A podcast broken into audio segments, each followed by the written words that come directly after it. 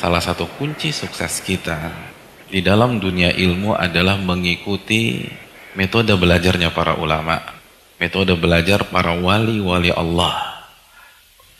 Hadirin yang dirahmati oleh Allah, kenapa mereka selalu di atas kita dan kita selalu di bawah mereka? Kenapa kualitas iman dan takwa mereka luar biasa dan kita nggak pernah bisa ngejar mereka? Padahal kalau pakai logika, seharusnya orang yang bisa mengumpulkan ribuan hadis hanya modal dua jempol, itu kualitasnya akan lebih bagus daripada orang yang harus jalan kaki satu bulan dapetin satu hadis. Kan lebih efisien, lebih cepat. Tapi kenapa kualitas mereka lebih bagus?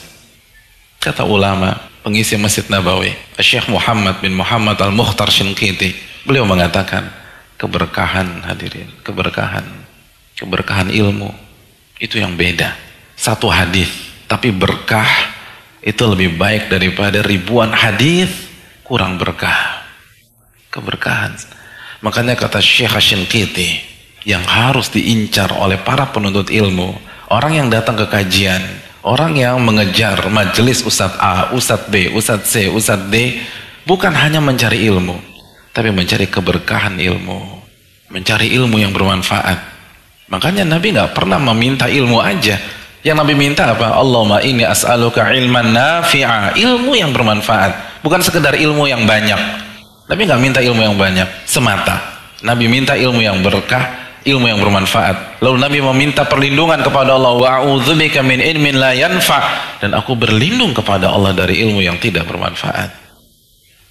Hadirin yang dirahmati oleh Allah dan salah satu cara mendapatkan keberkahan ilmu adalah usaha, upaya, effort yang sungguh-sungguh. Karena semakin kita jungkir balik mendapatkan sesuatu, sesuatu itu semakin bernilai di dalam sanubari kita.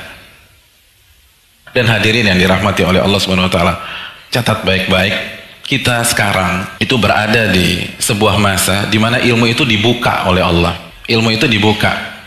Jabir untuk ketemu Abdillah mendengar hadis Nabi SAW itu jalan kaki satu bulan satu hadis. Al Imam Masruq Imam Masruq adalah murid dari Aisyah radhiyallahu taala anha untuk mendapatkan tafsir satu kata di dalam Al-Quran satu kata bukan satu surat satu kata itu jalan ke Irak. Begitu sampai Irak Syekh yang beliau incar udah pergi ke Syam. Apa yang beliau lakukan? Langsung berangkat ke Syam. Terus ketemu di sana tuh subhanallah. Bayangkan. Sedangkan kita sekarang kita hadirin. Kita wifi gratis. Satu buku hadis yang isinya ribuan hadis. Lalu masuk ke gadget kita Ulama-ulama dulu satu hadis satu bulan itu kan penjagaannya luar biasa. Ini kalau saya nggak ngamalin habis saya. Satu bulan saya ngerjain ini, saya harus amalin. Saya harus terapkan dalam kehidupan sehari-hari. Saya harus jadikan akhirat benar-benar di pelupuk mata saya. Karena saya ngejar hadis itu satu bulan jalannya. Ini salah satu penjelasan bagaimana ilmu di masa mereka itu berkahnya luar biasa. Karena mereka kejar, mereka berupaya. Mereka benar-benar kerja keras buat ilmu.